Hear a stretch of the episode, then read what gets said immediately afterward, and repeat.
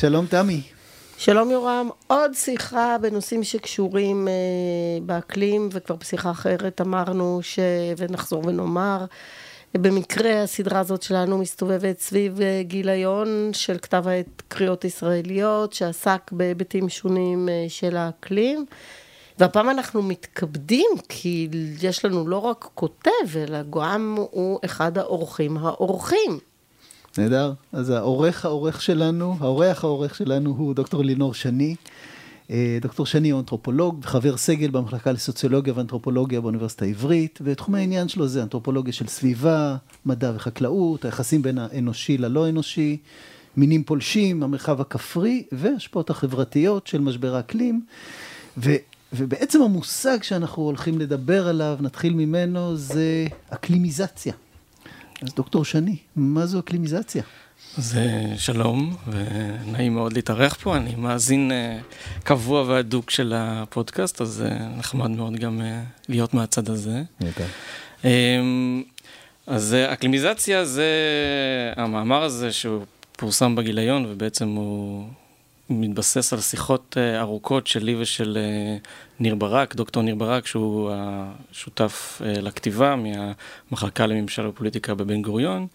אמ, זה נובע מאיזושהי תחושה, קצת אי נוחות שלי ושלו, כאנשים שחוקרים, אמנם הוא מגיע מפילוסופיה פוליטית ומדע המדינה, ואני מגיע מאנתרופולוגיה, אבל שנינו באזור של המחקר של הסביבה וחברה כבר כמה וכמה שנים, ואנחנו מבחינתי, וגם מבחינתו, סביבה הכילה בתוכה גם אקלים. סביבה מבחינתי זה הרבה דברים, זה מצרכנות ועד אוכל ומאבקים סביבתיים וגם כמובן כל נושא שקשור לאקלים. וכמובן בעשור האחרון, אז פתאום אקלים הופך להיות איזושהי אה, רובריקה נפרדת, שיש איזשהו סדר יום סביבתי שמתעסק במגוון ביולוגי ושטחים פתוחים ומאבקים בין אדם לחברה, ופתאום נוצר איזשהו שיח סביב, אה, אקלימי שיותר התרכז באנרגיות מתחדשות, בפליטות וקליטות של פחמן ו-CO2 וכל מיני אה, התעסקויות כאלה. ו... ובתחושה שלנו יש פה איזושהי, אה, הייתה פה איזושהי בעיה, כי החוסר נוחות שלנו, ואחר כך ניסינו לחשוב על זה גם מבחינה אנליטית, הייתה שאנחנו מרגישים שכל זה שהקדמות שנותנים עכשיו לסוגיות אקלימיות, בעצם מזניחים חלק מהבעיות הסביבתיות שהן לא פחות חמורות. אבל בשביל זה אנחנו צריכים להגיד, קודם להתחיל ולהגיד שיש בעיה עם האקלים, כן? כלומר, יש משבר אקלימי, וברור שיש משבר אקלימי וחייבים להתמודד איתו. מה שאנחנו ניסינו להגיד במאמר, שקיבלנו אחר כך גם הרבה מאוד הדים, שזה לא התחושה רק שלנו, ש... ש... שאנחנו לא צריכים לזנוח גם את הסוגיות הסביבתיות חברתיות, כן, אנחנו, שנינו, אנחנו לא חוקרים אה, של אקולוגיה או של אה, אקלים, אבל מה, מהעיסוקים שלנו ולמשבר האקלים, כמו גם למשבר הסביבתי, יש המון המון השלכות חברתיות, שאולי נדבר עליהן קצת, אבל אסור לנו להשליך את המשברים הסביבתיים בתוך, uh, כשאנחנו באים לדבר על, uh, על אקלים. זאת אומרת שהתפיסה שלך, או שלכם, אומרת שהמונח סביבה הוא יותר רחב מהאקלים? או שאלה, אה, אה, מה היחס בין, בין ה... בתפיסה בין שלי, כן, כן. איך שאני רואה את זה, אז סביבה מכילה גם את אקלים. יש היום גם את ה... עוד מילה מאוד חזקה שמדברים עליה, קיימות. Mm-hmm. וכמעט כל אוניברסיטה היום אה, בארץ הקימה מרכז לקיימות. נכון, שברחמן הוא גם נתמך על ידי בז"ן. לא, ו... זה, זה בית ספר הקיימות שלהם, זה כבר הרבה מאוד זמן, אבל, זה נכון. אבל כשאתה נכון. נכנס ואתה רואה בית ספר נכון. לקיימות וחתומים על זה... זה נכון. גורמים מן הפוגעים בקיימות. כמות אה, זה ביותר. נכון, אבל, אבל כל בית ספר, כל, כמעט כל אוניברסיטה עכשיו הקימה איזשהו מרכז כזה, שגם כן איזושהי מילה, מה זה קיימות? אז קיימות זה גם אה, צרכנות וגם הדרך שבה אנחנו אה, חיים את החיים ואת האיכות חיים. שבחוויה שלי, סביבה וחברה מכילים את כל הדברים האלה. זה, אני כל הזמן אומר, למה אנחנו צריכים את כל השמות האלה? אבל אני מבין... בשביל לקבל גרנטים. א', זה, זה אחת ה... זה מה שאנחנו גם אה, מדברים על זה, אבל, אבל בשביל הרבה מאוד אנשים, סביבה זה משהו הרבה יותר צר, שמדבר על שטחים פתוחים, מאבקים סביבתיים, עצים, מאבקים נגד עקירות עצים, מאבקים, כל מיני דברים כאלה. אבל מבחינתי, לסביבה יש היבטים משמעותיים של תכנון, יש היבטים אה, משמעותיים של uh, תפיסות שונות של מה זה טבע ואיך צריך להגן על טבע, ויכוחים מדעיים, יש פה המון המון המון המון דברים שנכללים לנו באורח חיים, איך, איך אנשים, אנחנו יודעים באנתרופולוגיה וגם במחקרים שלי, אנחנו רואים שיש, שאומנם הרבה מאוד אנשים אומרים שהם אוהבים טבע או קשורים לטבע, אבל הדרך שבה הם מגדירים מה זה טבע, או איך הם רוצים לשמור על הטבע, זה, יש תפיסות מאוד שונות ומגוונות, בטח גם בתוך ישראל, אבל בוודאי כשאנחנו משמינים, משווים את עצמנו לתפיסות נגיד של קבוצות ילידיות באמזונס, שזה באמת תפיסה לא רק של מה זה סביבה ומה זה קיימות, אלא דרך חיים שונה לחלוטין מהדרך שבה הם, אפשר לראות אותה דרך המשקפיים שבה הם בוחנים מה זה אה, הלא אנושיים שחיים סביבם. אה, ופה מבחינתי הסביבה היא כוללת גם את האקלים. אה, אבל אז, אז כשאנחנו עושים במעבר, אנחנו עושים בעצם איזושהי הבחנה, שתי הבחנות אה, משמעותיות. אנחנו אומרים מה זה אקלימיזציה טקטית, לעומת מה זה אקלימיזציה אסטרטגית. כשאנחנו אומרים טקטית, הכוונה, כמו שאמרת, כדי לקבל, אחת הדוגמאות, נגיד לקבל תקציבים. כלומר, יש עכשיו איזה framing חדש, איזשהו מסגור חדש של אה, הנושא הזה של אה, אה, אקלים. אפשר לדבר על כל מיני בעיות סביבה, או אפילו בעיות שהן קרובות לסביבה, אבל אם אנחנו אומרים אקלים, אז זה מקבל קדמות יותר גדולה. למשל, סתם דוגמה, כבר שנים מדברים על זה שצריך לנטוע יותר עצים אה, אה, בעיר. יש מגוון סיבות ללמה צריך לנטוע עצים, אה, מי שזה עושה צל, זה משפר את האיכות חיים, זה יוצר גם מגוון ביולוגי יותר רחב בתוך העיר ודברים כאלה. אבל כל החלטות הממשלה, למשל בשנה האחרונות, וכל התוכניות שמקדמות עכשיו נטיות עצים, אתה הכל תחת פריימים, אנחנו מצילים בעצם את, אה, אנחנו תורמים בשביל האקלים. בעצם קיבוע פחמן על ידי עצים. קיבוע פחמן וצל ודברים כאלה, ולכן אנחנו משתמשים בזה אה, אה, אה, לעצים. עוד דוגמה שאנחנו מזכירים במאמר, זה, אה, שזה מאוד כתובה, קרובה לליבו של ניר, זה כל נושא הטבעונות. אה, שהרבה מאוד שנים, ומה שנגיד ניר מנסה לקדם, גם חלק מהמחקרים שלו, זה טבעונות כערך מוסרי. כאיך אנחנו, היחסים שלנו עם הלא אנושי, אה, איך אנחנו, היחסים שלנו איתם, ושוויון או זכויות שאנחנו נותנים אה, גם לערכים כאלה, ומשם הרבה מאוד, במשך הרבה מאוד שנים השיח על טבעונות הגיע משם. כאילו בשנים האחרונות, גם אנשים ששנים ניהלו את ה... והובילו את ה... טיקט של טבעונות מבחינה מוסרית, היום מדברים על טבעונות כי זה תורם לסביבה, כי זה תורם לאקלים. אם אנחנו רוצים להילחם באקלים, אנחנו חייבים להפחית את צריכות הבשר שלנו, מה שכנראה נכון, כן? אין פה, אין פה שאלה. אבל זה מעניין לראות איך, איך השינוי הזה הופך להיות חזות הכל. כלומר, האקלים, בגלל שהאקלים עכשיו הרבה יותר פופולרי, והרבה יותר מודעים למה שקורה, ויש נכונות, לפחות... סמלית, אנחנו עדיין לא ממש רואים שום פעולות בפועל שנעשות, או מעט מאוד יחסית פעולות שנעשות, אבל בשיח, אז אקלים, כמובן אנחנו בעד אקלים, ונעשה הכל כדי נגד משבר אקלים, וככה גם באוניברסיטאות וגם בחיים, אז הרבה יותר קל למסגר את זה, זה אקלים.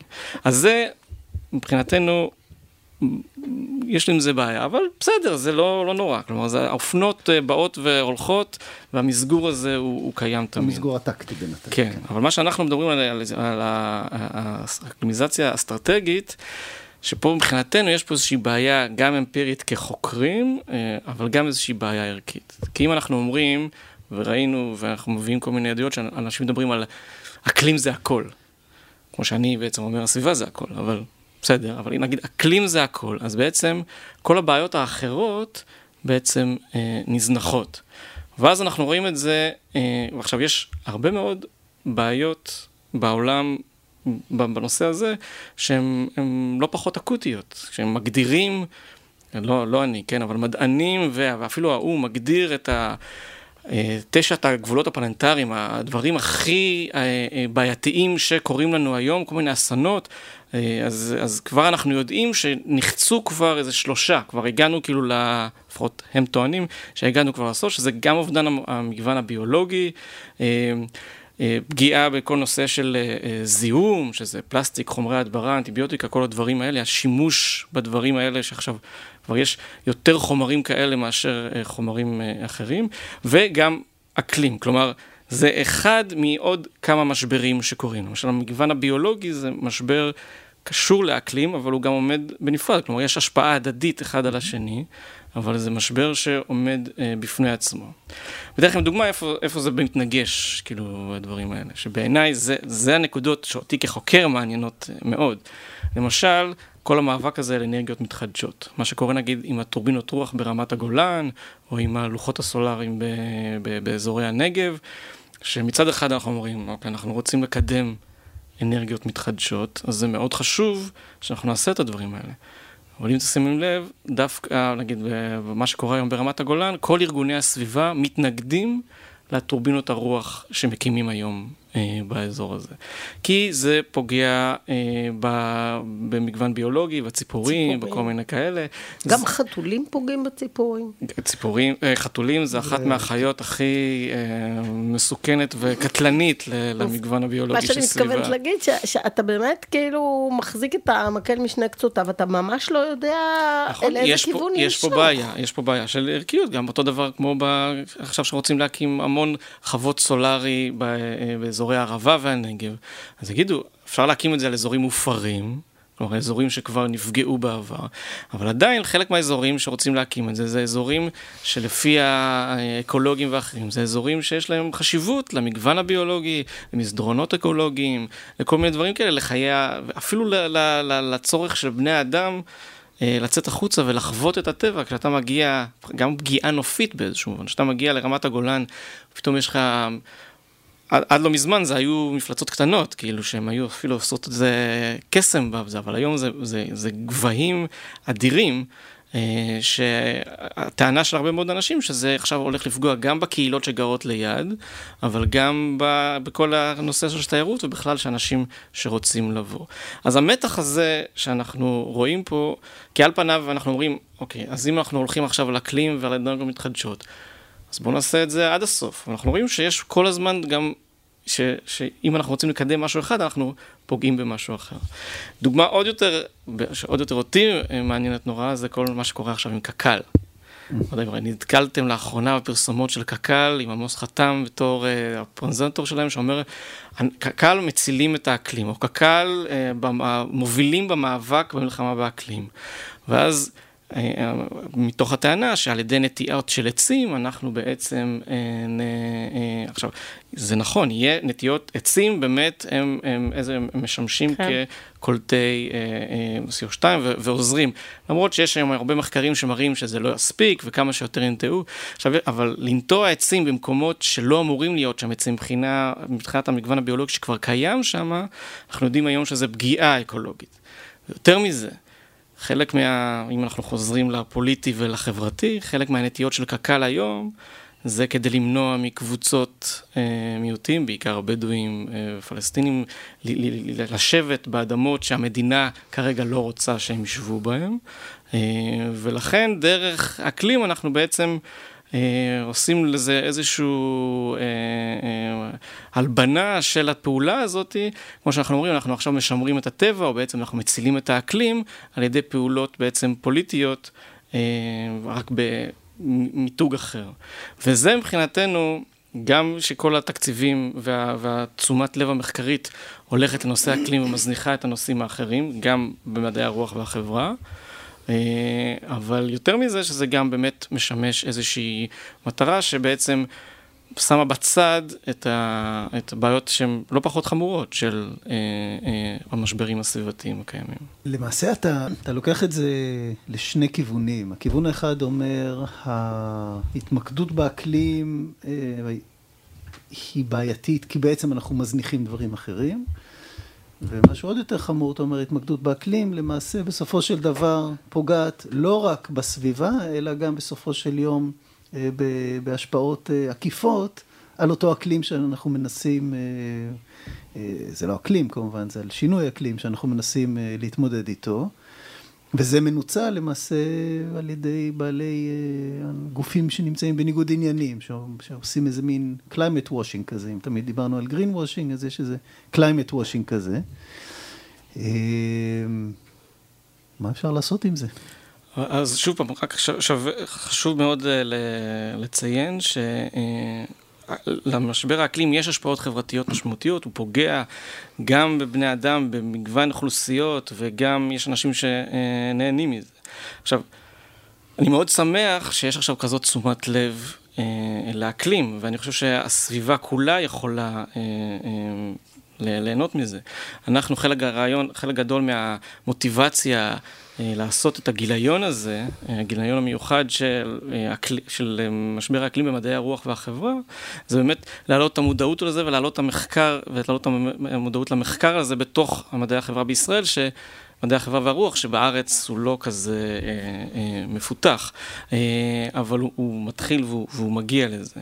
אז אנחנו מאוד שמחים על זה. רק, אנחנו רק אומרים שתמיד צריך עדיין להיות מודעים לזה, ושזה יהיה לנו בהכרה, שכמה שאנחנו, כמה שמשבר האקלים הוא אקוטי, וכמה שמשבר האקלים הוא חשוב, ובתור חוקר, המאבקים האלה הם, הם, הם אותי, הם, אני פחות חוקר את, איך אנחנו יכולים לשפר את המצב, אותי יותר מעניין את ה, בדיוק את הקונפליקטים האלה ש, שנוצרים פה. אז מבחינתי זה נהדר, זה שיש פה את, ה, את כל הקונפליקטים שנוצרים מתוך, משני הערכים האלה שמתנגשים. אבל חשוב לנו לשים את זה על השולחן, אקלים זה חשוב, אבל חשוב לנו לא להזניח דברים אחרים.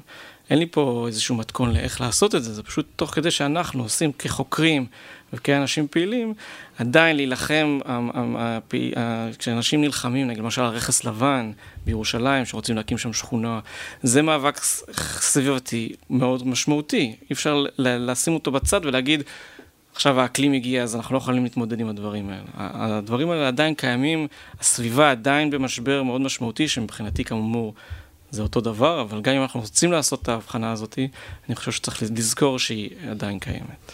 אני רוצה להעלות כאן איזושהי שאלה שהיא באמת סוציולוגית, אה, אנתרופולוגית, פסיכולוגית בהקשר הזה.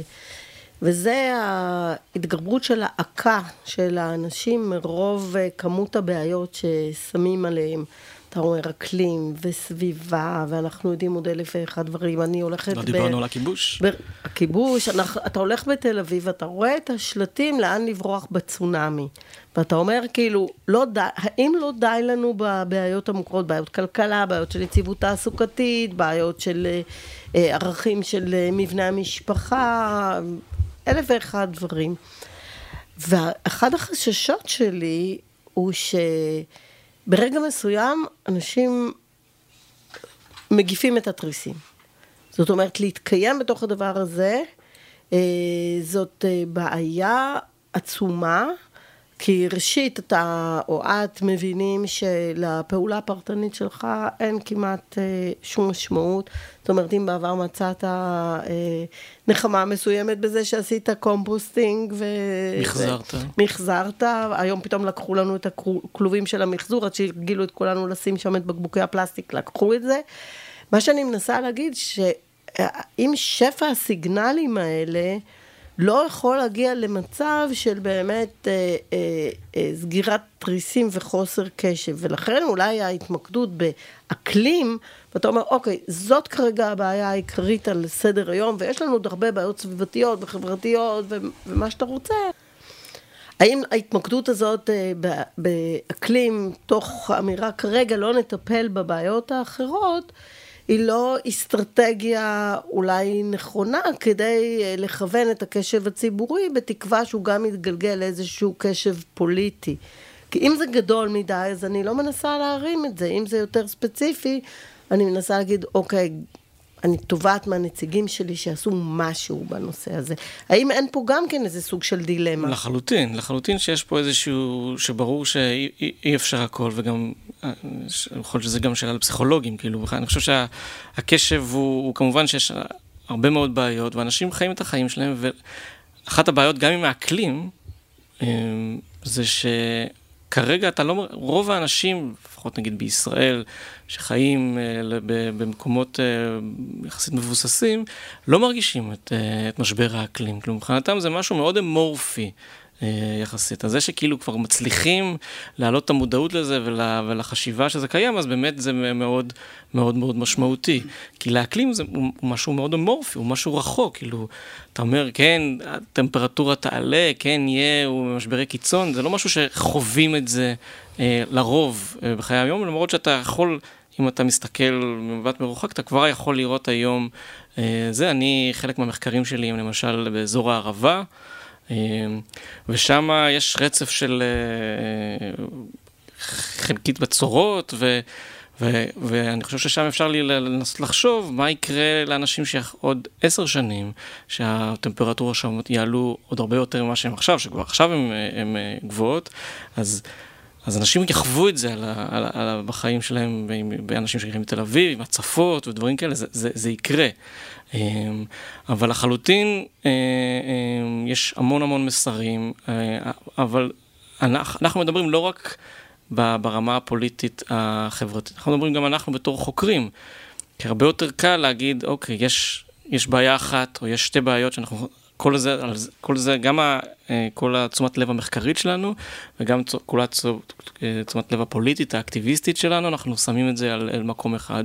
אנחנו אומרים, תמיד צריך לזכור, יכול להיות שאנחנו גם מורידים ככה, אני, אני לא יודע. יכול להיות שאנחנו בעצם פוגעים במאבק.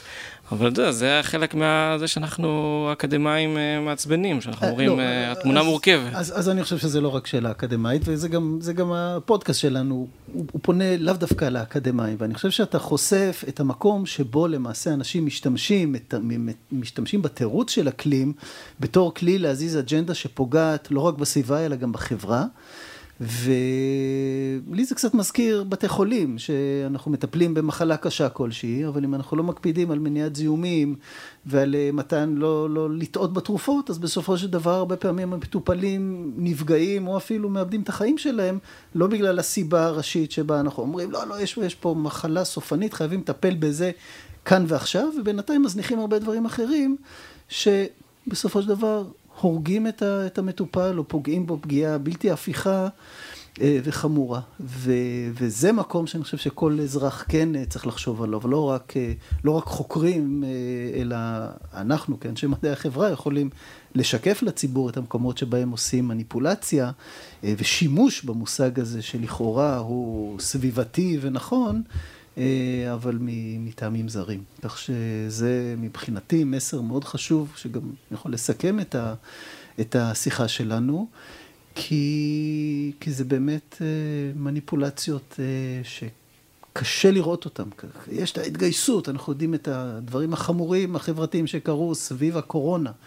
המאבק בקורונה היה מוצדק, היה חשוב, זה היה באמת משבר אמיתי, אבל תחת הכיסוי שלו, תחת הרעש שהמגפה הזו יצרה, אה, עשו עוולות חברתיות מאוד מאוד משמעותיות, והיום אנחנו מסתכלים עליהן. ו... שאת חלקן אנחנו, אה, חלק מההשפעות שלהם אנחנו רואים עד היום. בהחלט. אה, אני כבר, רק אני אתייחס לשאלה של הצבעה של קבוצות אוכלוסייה מסוימות, כתוצאות, כתוצאה בין השאר מההדרה שעשו להם בתקופת ה... הקורונה. בקיצור, לפעמים אנחנו בכלל לא יכולים להבין איך אה, פתרון לכאורי בנושא אחד, יוצר לנו שרשרת של, אה, נכון, היום לא אומרים, אה, אה, אומרים אתגרים, לא, לא בעיות, כי זה לא פוזיטיבי. אה, יוצרים לנו אתגרים בהרבה מאוד אה, תחומים אחרים, אה, אבל אני חושבת שזה מבחינה אנליטית, זה מאוד חשוב מה ש... מה שעשיתם במאמר ובשיחה הזאת כאן, אני מקווה שהשומעים שלנו אה, ייקחו את זה הלאה, כי, כי התופעה הזאת היא לא רק אקלים וסביבה, היא עוד הרבה מאוד אה, מסגורים של אה, נושאים שאנחנו אה, עוסקים בהם. אז תודה רבה, דוקטור לירון שני. תודה רבה.